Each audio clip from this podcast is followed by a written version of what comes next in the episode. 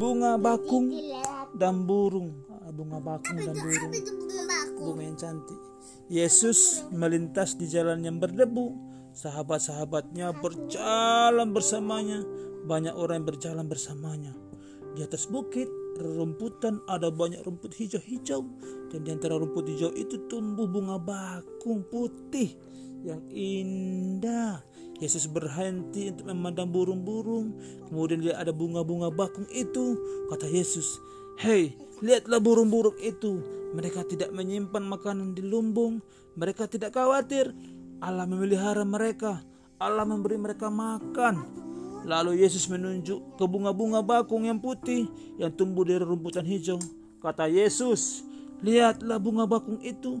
Lihatlah betapa indahnya. Kelopak bunga bakung itu lebih indah dari sutra dan satin, bajunya satin mana pun.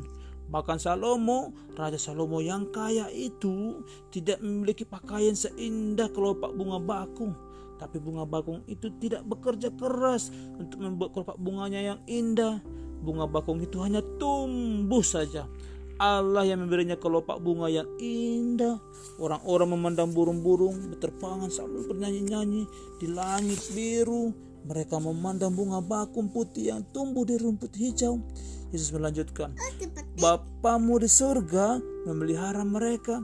Ia juga memeliharamu. Ia tahu apa yang engkau perlukan. Engkau harus mengasihinya dan hidup untuk Tuhan Yesus dan dia akan memeliharamu. Jadi engkau usah khawatir ya. Sama ketika kita pasti dicukupkan sama Tuhan, semua kebutuhan kita, apa yang kita butuhkan Tuhan akan mencukupkan. Sebab burung-burung kecil di langit, bunga-bunga bakung di rumput-rumput memperlihatkan kepada kita bahwa Allah peduli sama kita. Oke? Jadi kita nggak perlu khawatir. Tuhan menyediakan sama kita apa yang kita butuhkan. Tuhan memelihara kita. Amin. Oke.